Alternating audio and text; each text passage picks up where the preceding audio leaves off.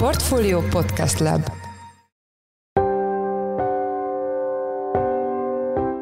Mindenkit üdvözlünk, ez a Checklist, a Portfólió munkanapokon megjelenő podcastje augusztus 11-én csütörtökön. A mai műsor első részében az OTP Bank ma hajnalban közzétett második negyedéves gyors jelentésével foglalkozunk, amiben a bankcsoport több eredménysoron is új rekordról számolt be. Az állományban azt látjuk, hogy bődületes növekedés van még mindig. Nyilván akvizíciók miatt is, de egyébként organikusan is nagyon szépen nő a bank. A teljesítő hitelállomány az közel 18 ezer milliárd forintra nőtt, tehát soha nem volt még ilyen magas, ez is egy új rekord az OTP-nél, és akkor ugye az egy másik kérdés, hogy mennyi pénzt lehet keresni ezen a hitelállományon. És nagyon úgy tűnik, hogy az a marzs erózió, amiről az elmúlt években beszéltünk, tehát a marzsok azok folyamatosan csökkentek, az, mintha most kezdene megállni, stabilizálódik a helyzet, és a negyed évben egyébként már emelkedett is. A témával kapcsolatban Nagy Viktort, a portfólió részvényrovatának vezető elemzőjét kérdeztük. A műsor második részében a legfrissebb koronavírus adatokkal foglalkozunk, mivel nyár eleje óta először a múlt héten csökkent az új fertőzöttek száma Magyarországon. Én Pitner Gábor vagyok, a Portfolio Podcast Lab szerkesztője, ez pedig a checklist augusztus 11-én. A következő beszélgetést Forrás Dávid, a Portfolio Podcast Lab munkatársa rögzítette a mai napon, augusztus 11-én. Nem mindennapos eredményekről számolt be ma hajnalban az OTP Bank. A témával kapcsolatban itt van velünk telefonon Nagy Viktor, a portfólió vezető részvényelemzője. Szia Viktor, üdvözöllek a checklistben. Szia Dávid, üdvözlöm a hallgatókat. Első kérdésem, hogy a főbb számokat tekintve milyen negyedéven van túl az OTP? Hát alapvetően brutálisan jó, hogyha föntről lefelé nézzük, egyértelműen az látszik, hogy a bank rekorderedményeket ért el, és ez részben annak köszönhető, hogy az elmúlt években azért számtalan pénzintézetet megvette az OTP a régióban, és ezek egymás után kerülnek bele a portfólióba. Itt egyébként egy kis mellékszál érdemes megjegyezni, hogy van még két függőben lévő bank, egy Szlovéniában, egy pedig Albániában, amelyeknek a számai még nem is voltak benne itt most a második negyedévben, tehát hogy azok majd a következő negyedévekbe kerülnek bele, tehát azok még megtolhatják. De összességében az látszik, hogy az akvizíciókkal és egyébként organikusan is szépen növekszik a bank, és hát ennek tudható be az, hogy a legtöbb eredmény soron, és itt mondjuk nem a profit számokat nézzük, mert ott azért vannak egyedi tételek, viszont a bevételeknél egyértelműen az látszik, hogy a nettó kamat bevétel, a díj és jutalék bevétel, az összes bevétel, a működési eredmény, ezek mind-mind új csúcsra mentek, és hogyha a profitot úgy értelmezzük, hogy a korrekciós tételeket, amik azért most a negyedikben jelentősek, és erről majd érdemes külön is beszélni, szóval hogyha ezektől függetlenül nézzük, vagy ezektől tisztítva nézzük a profitot, akkor az is új csúcsra ment. Tehát olyan számokat látunk, ami miatt ugye Molnál viccelődtünk azzal, hogy át kell skálázni a grafikonokat, és most az OTP-nél ugyanez a helyzet. Olyan profit számokat látunk például most, ami, ami miatt át kell skálázni a grafikonokat. Ez a 162 milliárd forint, ami egyetlen negyed év alatt kipörgött az OTP-ből, ez jóval magasabb, mint a korábbi éveknek az eredménye. Mik ezek az eredmények, és az elmúlt évek tekintetében akkor ez, ez milyennek számít? Ugye mondtad, hogy jobbak, de hogy, hogy tudjuk ezt összehasonlítani? Igen, az összes bevételnél ott a tényadat az 394 milliárd milliárd forint. Itt jellemzően az elmúlt negyed években mondjuk ilyen 300 milliárd forint körüli bevételszámról beszéltünk az elmúlt években. Kettessel kezdődött még ez az összeg, tehát hogy szépen növekedett, ahogy jöttek be az akvizíciók, és ahogy organikusan is nőtt a bank, egyre magasabbra húzott, és most már lassan 400 milliárd forintról beszélünk, ami az OTP-nek egyetlen negyedéves bevétele. A működési eredmény az 207 milliárd forintra emelkedett, és itt egyébként érdemes megemlíteni azt, hogy év per év alapon, tehát az elmúlt egy évben mekkora növekedések voltak. Az összes bevétel az 20 24%-kal nőtt, a működési eredmény meg 29%-kal nőtt. Tehát, hogy topline, az látszik, hogy az OTP hatalmasat nőtt, tehát több mint negyed negyedével, közel harmadával emelkedtek ezek a számok.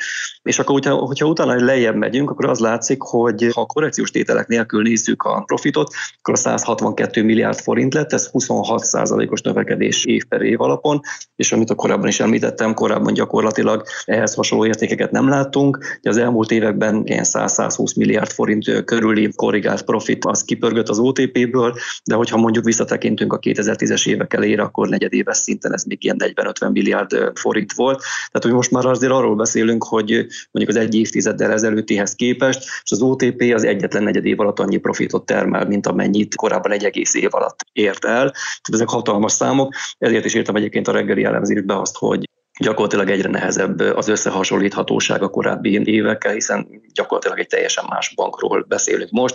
Új operációk is lettek, és hát nagyon sok operációt megerősített az OTP akvizíciókkal, tehát egy lényegesen nagyobb pénzintézetről beszélünk most, mint mondjuk tíz évvel ezelőtt. Igen, az elemzésed természetesen megy az epizódi jegyzetekbe, de már ugye pedzegetted, hogy voltak olyan egyszeri tételek, amik csökkentették a banknak a, profitját, ezek mik voltak ezek, és körülbelül mekkora tételekről beszélünk? Így van, itt azért jelentős tételekről beszélünk. Tehát a korrigált profit, hogyha a korrekciós tételeket is figyelme veszük, akkor az 76 milliárd forint lett, és hát erre írtam én azt, hogy ez annak fényében egyébként kifejezetten erős, hogy csak ebben az egyetlen egyedében 86 milliárd forintnyi tétel volt az, ami terhelte az eredményt. Ennek a legnagyobb része 68 milliárd forint az a különadó volt, tehát ebben a negyedévben számolta el a bank csoport a különadót, de volt még egy 10 milliárd forintos tétel, ami a kamatstop meghosszabbításának a várható hatása, aztán volt egy 3,4 milliárd forintos tétel, ez az akvizícióknak a negatív hatása, illetve 2,5 milliárd forint volt a Sperbank végelszámolása, és 1,8 milliárd forint a törlesztési moratóriumnak a, a várható negatív eredményhatása. Ha ezeket a tételeket mind összeadogatjuk, ebből jön ki a 86 milliárd forint, tehát ennyivel csökkent a banknak az adózott eredménye ahhoz képest, mint amennyi lehetett volna, és végül így jött ki a 76 milliárd forint, amit ugye egy kicsit perspektívába helyezzünk, az elemzők összességében 45 milliárd forinttal számoltak, tehát 70 kal magasabb lett a, a profit, mint ami az elemzői várakozásokban állt. Ugye nagyon nehéz egyébként ezt, a, főleg a lassú sorokat mostanában meg előrejelezni, mert hogy nagyon sok a korrekciós tétel, és hát azért azt is látjuk, hogy azért a banknak abban is van mozgástere,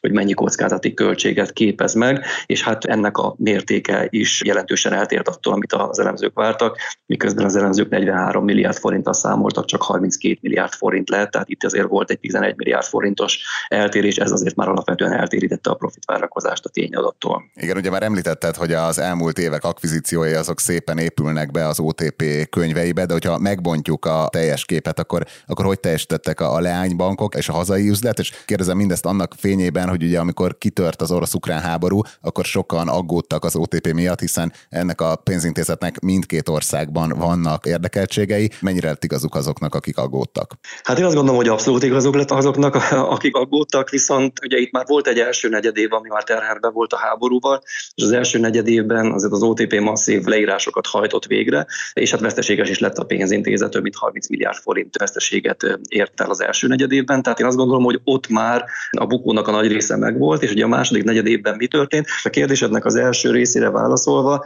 hogy hogyan teljesített a magyar operáció, és hogyan teljesítenek a leánybankok. Most fejfej melletti volt a, a helyzet, hogyha a korrigált profitot nézzük, akkor a magyar alaptevékenység az 75 milliárd forint profitot szállított, és a külföldi leánybankok összesen 76 milliárd forintot.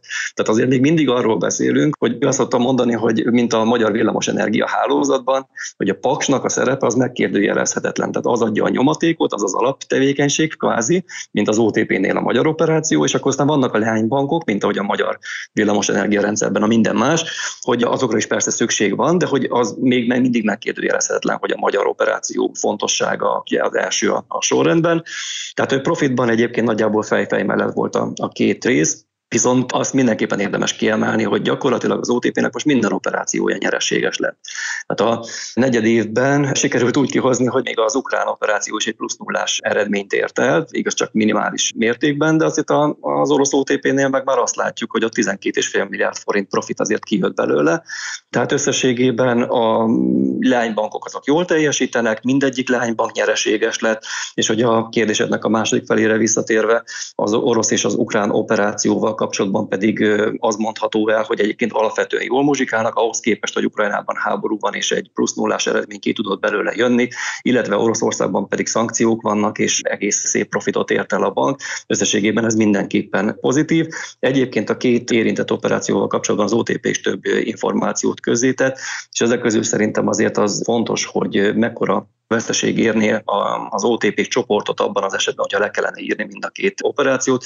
Ugye itt a CET1 rátának, a konszolidált CET1 rátára való hatás az egy bázispont lenne az ukrán esetében, az orosz bank esetében pedig 128 bázispont, tehát összességében az mondható el, hogy kezelhető mértékű lenne az, hogyha meg kellene válni mind a két pénzintézettől, és akkor még egy extra információ, a gyors jelentésben azt írta a menedzsment, hogy gyakorlatilag tovább működtetik ezt a két operációt, de főként az orosz esetében minden lehetséges opciót megvizsgálnak, ezek között akár az a kimenetel is benne van, hogy mondjuk értékesítik az orosz bankot, és akkor ehhez tette azt egyébként hozzá Bencsik László a gyors jelentést követő sajtótájékoztatón, hogy hát azért persze el lehetne adni az orosz lánybankot, ha csak nem lenne egyébként Oroszországban egy olyan elnöki rendelet, ami gyakorlatilag megtiltja a külföldi bankok értékesítését, ami vadonatúj helyzet most az OTP számára is. Nagyjából ez, ezeket érdemes tudni a két lánybankról, tehát még egyszer veszteséget most nem termeltek a negyedében, sőt az orosz operáció a szép profitot termelt, egyébként pedig az év hátralévő részében is a menedzsment arra számít az orosz OTP-től, hogy,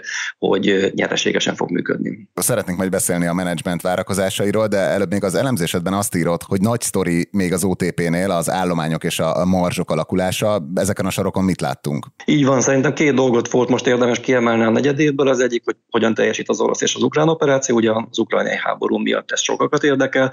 A másik sztori az pedig az, hogy az állományok és a marzsok hogyan alakulnak. Az állományban azt látjuk, hogy bődületes növekedés van még mindig. Nyilván akvizíciók miatt is, de egyébként organikusan is nagyon szépen nő a bank. A teljesítő hitelállomány az közel 18 ezer milliárd forintra nőtt, tehát soha nem volt még ilyen magas, ez is egy új rekord az OTP-nél, és hát ugye azt látjuk, hogy annak ellenére egyébként, hogy az ukrajnai háború miatt Ukrajnában és Oroszországban is volt visszaesés, ennek ellenére tudott tovább növekedni a, a hitelállomány, és akkor ugye az egy másik kérdés, hogy mennyi pénzt lehet keresni ezen a hitelállományon. És nagyon úgy tűnik, hogy az a marzs erózió, amiről az elmúlt években beszéltünk, tehát hogy a marzsok azok folyamatosan csökkentek, az, mintha most kezdene megállni, stabilizálódik a helyzet, és a negyed évben egyébként már emelkedett is. Itt a nettó kamatmarzs az 14 bázisponttal, a díj és jutalékbevétel marzs pedig 6 bázisponttal emelkedett, így összességében arról beszélünk, hogy a teljes bevételmarzs az 11 bázisponttal emelkedett. Ezek még nem nagy számok, viszont az, hogy a trend talán fordul, itt már emelkedést látunk, az mindenképpen pozitív az összképpel. És akkor térjünk rá, hogy mire számít a menedzsment a teljes év tekintetében. Alapvetően nem változtattak a várakozásaikon ahhoz képest, amit már korábban mondtak. Itt van egy olyan várakozás, hogy a, az árfolyam szűrt teljesítő hitelállománynak az organikus növekedése az meghaladhatja a 10%-ot. Ez érdemes azt hozzátenni, hogy a, az idei első fél évben 8% volt a növekedés, tehát az év egészére magasabb növekedéssel számol a menedzsment, mint amit eddig láttunk, tehát egy vélhetően az év második fele az pozitív lesz, és nyilván itt vissza kell utalnunk arra, hogy a, az Albán és a szlovén idején már megvásárolt banknak a számai majd most épülnek bele a, a csoport számaiba. Ez mindenképpen pozitívan fog hatni. Ugye a nettó kamatmarzs stabilizálódhat, erre is számít a menedzsment. Működési hatékonyságban arra számítanak, hogy nagyjából a 2021-eshez hasonló lehet. A hitelkockázati költségráta nagyjából a 2021-es szint közélében lehet, és a ROE-ban pedig arra számítanak a saját tőkearanyos megtérülésben, hogy, hogy nagyjából a 2021-es 18%-os szint körül alakulhat majd. Itt azért érdemes hozzátenni, hogy az első fél év az lényegesen erősebb volt, hiszen 23,2% volt. Tehát ezek nagyjából azok a számok, amiket a menedzsment már korábban is mondott, itt nagy változás nincsen. Ami addicionális információ volt, az orosz lánybankkal kapcsolatban mondta azt a menedzsment, hogy az év egészében is pozitív profit hozzájárulást vár, ahhoz hasonlóan, mint amit már egyébként a második negyedében látunk, hanem is akkor a mértékűt. Hát akkor itt az ilyen globális gazdasági kockázatok tekintetében azt elmondhatjuk, hogy így na jó, negyedévet szállított az OTP. Így van, egyértelműen pozitív az összkép, a várakozásokat meghaladó számokat között az OTP profit soron jóval nagyobb számot között, mint amit az elemzők vártak. Azt látjuk, hogy mint hogy a stabilizálódna az ukrán és az orosz operációnak a helyzet, az orosz ráadásul még egész csinos profitot is szállított a negyed évben, és a menedzsmentnek nem kellett negatív irányba hozzányúlni a korábban kiadott várakozásokhoz, ez szerintem mindenképpen pozitív. Az, amit mondtunk a hitelállomány bővüléséről és a marzsoknak a javulásáról, az is egyértelműen pozitív. Szóval összességében ez egy, ez egy jó negyed év volt az OTP-nél. Ja, és hát ugye most még azért a kereskedési nap elején járunk, amikor rögzítjük ezt az interjút, akkor háromnegyed tíz van, de hogy reagáltak a, a befektetők ezekre a hajnali eredményekre? Egyértelműen pozitívan. Ezt látni kell, hogy alapvetően a nemzetközi befektetői hangulat is sokat javult az elmúlt napokban. Ez egyelőre még mindig kitart, ez is segíti fölfelé az OTP-t, a szektortársak részvények is emelkedtek, de egyébként nyilvánvalóan pozitívan hatott a, a negyedéves gyors jelentés. 3% körüli emelkedést látunk jelenleg az OTP árfolyamában. Nagyon szépen köszönjük az elemzésedet. Az elmúlt percekben Nagy Viktor, a portfólió részvény rovatának vezető elemzője volt a checklist vendége. Viktor, köszönjük, hogy a rendelkezésünkre álltál. Én is köszönöm, sziasztok! Nyár eleje óta nem látott koronavírus adat érkezett, ami élesen előtt az elmúlt két hónap trendjétől, a járvány súlypontja pedig földrajzilag is áthelyeződött az országon belül. A témával kapcsolatban itt van velünk Palkó István, a portfólió pénzügyi rovatának vezető elemzője. Szia István, üdvözöllek a checklistben. Szia, köszöntöm a hallgatókat. Hogyan alakult a regisztrált fertőzöttek száma a múlt héten, és ez hogy illeszkedik az elmúlt hetek, hónapok statisztikájába? A múlt héten napi átlagban 2583 új fertőzöttet regisztráltak Magyarországon.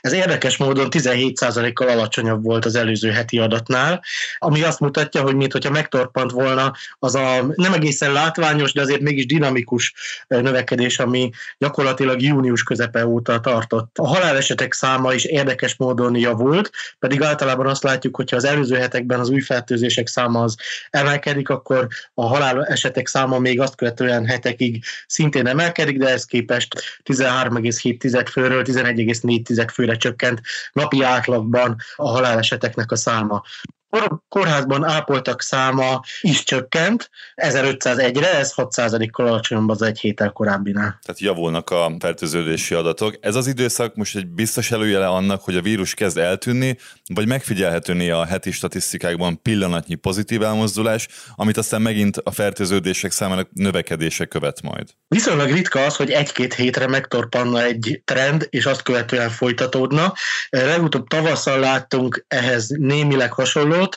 Nagyon gyakran előfordul az, hogy valamilyen statisztikai hiba, vagy statisztikai jellegzetesség, mintavételi sajátosság például húzódik meg a háttérben, de egyelőre most ezt nem tudjuk megmondani, hogy miről van szó, hogy arról van-e szó, hogy ez a úgymond hatodik hullám, ami igazából még nem igazi hullám, hiszen inkább egy ilyen endémiás, vagy, vagy alacsony szinten történő tetőzésnek mondható egyelőre. Nem mondhatom meg, hogy ez következő hetekben ez, ez növekedni fog, és mondjuk például a nyaralások hatása érződik-e, például a sokkal kevesebbet teszteltek az emberek a nyaralás miatt, és emiatt kevésbé jöttek ki a pozitív esetek is.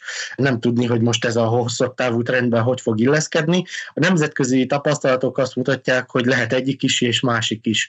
Tehát van olyan ország, ahol alacsony szinten tetőzött a nyár folyamán a koronavírus, és úgy tűnik, hogy már lecsengőben van az alacsony szintű járványhullám, és van olyan ország is, ahol egy-két hétre esetleg megtorpant, az emelkedés, de aztán egy magasabb szintű, gyakorlatilag egy új hullámnak, egy erőteljes, egész nagy hullámnak mondható jelenség történt a nyár folyamán. A környező országokban jellemzően az alacsonyabb értékek voltak azok, ahol tetőzött a járvány, de például Németországban, vagy néhány nyugati országban, és még a szomszédaink közül megemlíthető a sok teszttel rendelkező Ausztria, ott például a Magyarországinak a többszöröse volt az elmúlt hetekben is az új fertőzötteknek a száma. Országon belül hogyan alakultak a számok? Változott a legfertőzöttebb városoknak, megyéknek a listája? Érdekes módon ez is radikálisan változott az elmúlt egy hétben. Előző héten még Budapest volt ismét az a régió, ahol a legtöbb új fertőzöttet regisztrálták, és akkor csodálkoztunk is, mert az elmúlt hónapban úgy tűnt, hogy a budapesti járvány görbe az már lefelé vette az útját, ehhez képest két héttel ezelőtt, akkor erőteljes növekedést láttunk Budapesten, most viszont ez is megváltozott, ismét csökkent a, az új fertőzöttek száma Budapesten, így messze nem a főváros volt a legfertőzöttebb régió. A legfertőzöttebb most Békés megye, szabolcs már megye, illetve Baranyha megye volt. Ezekben 100 ezer főre jutó esetszám az 269, 240, 236 volt. Ez azért úgy viszonylag erős járványterjedésre utal, de azért még messze nem olyanra, amilyet már az Omikron variánstól januárban láttunk, tehát azért az esetszámok a mostaninak akkora többszörösére rúgtak. Ha pedig azt nézzük meg, hogy az új fertőzöttek száma az előző héthez képest hogy alakult, akkor az látható, hogy szintén szabolcs már megye és Békés megye ott van az élen, harmadikként pedig Heves megye. Ezekben a megyékben 10-15 kal emelkedett az előző héthez képest az esetszám, de ugye, mint említettem, az országos átlag az 17% kal csökkent. Ennek megfelelően a megyék többségében szintén a koronavírus visszahúzódását mutatják ezek a hivatalos adatok.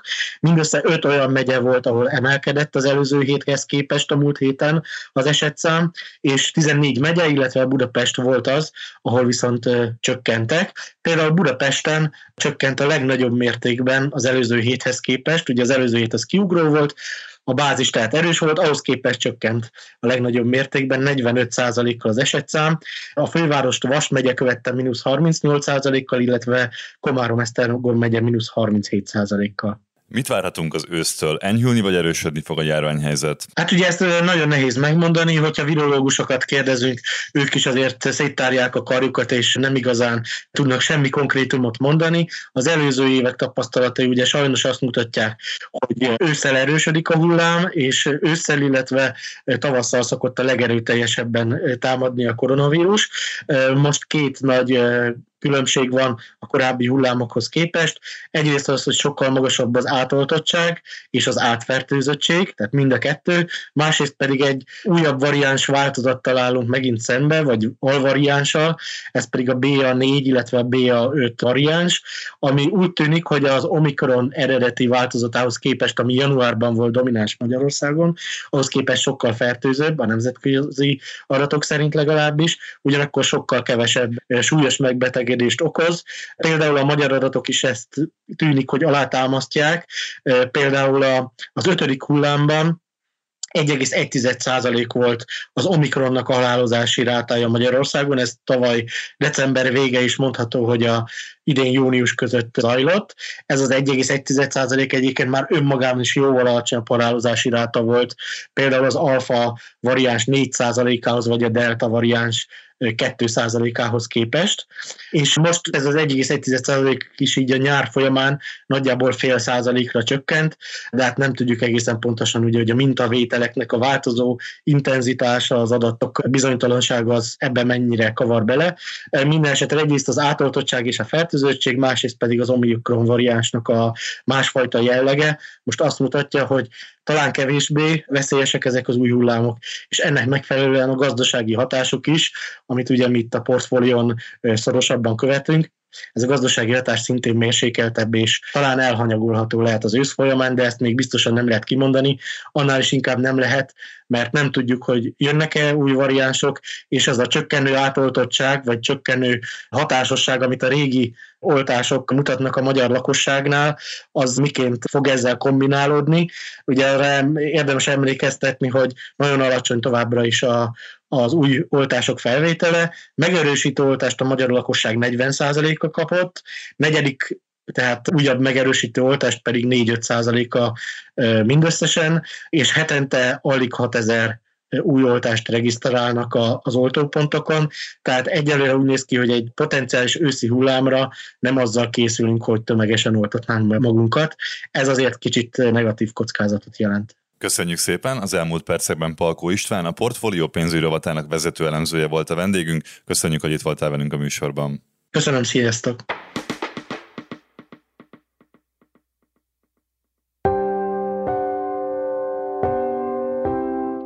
Ez volt már a Checklist, a Portfolio munkanapokon megjelenő podcastje. Ha tetszett az adás, iratkozz fel podcast csatornánkra valamelyik nagy podcast felületen, például a Spotify-on, az Apple Podcast-en vagy a Google Podcast-en. Ha segítenél nekünk abban, hogy minél több hallgatóhoz eljussunk, akkor arra kérünk, hogy értékelj minket azon a platformon, ahol követed a checklistet. A mai adás elkészítésében részt vett Bánhidi Bálint és Forrás Dávid, a szerkesztő pedig én, Pitner Gábor voltam. Új adással holnap, azaz pénteken 5 órakor jelentkezünk, addig is szép napot, sziasztok!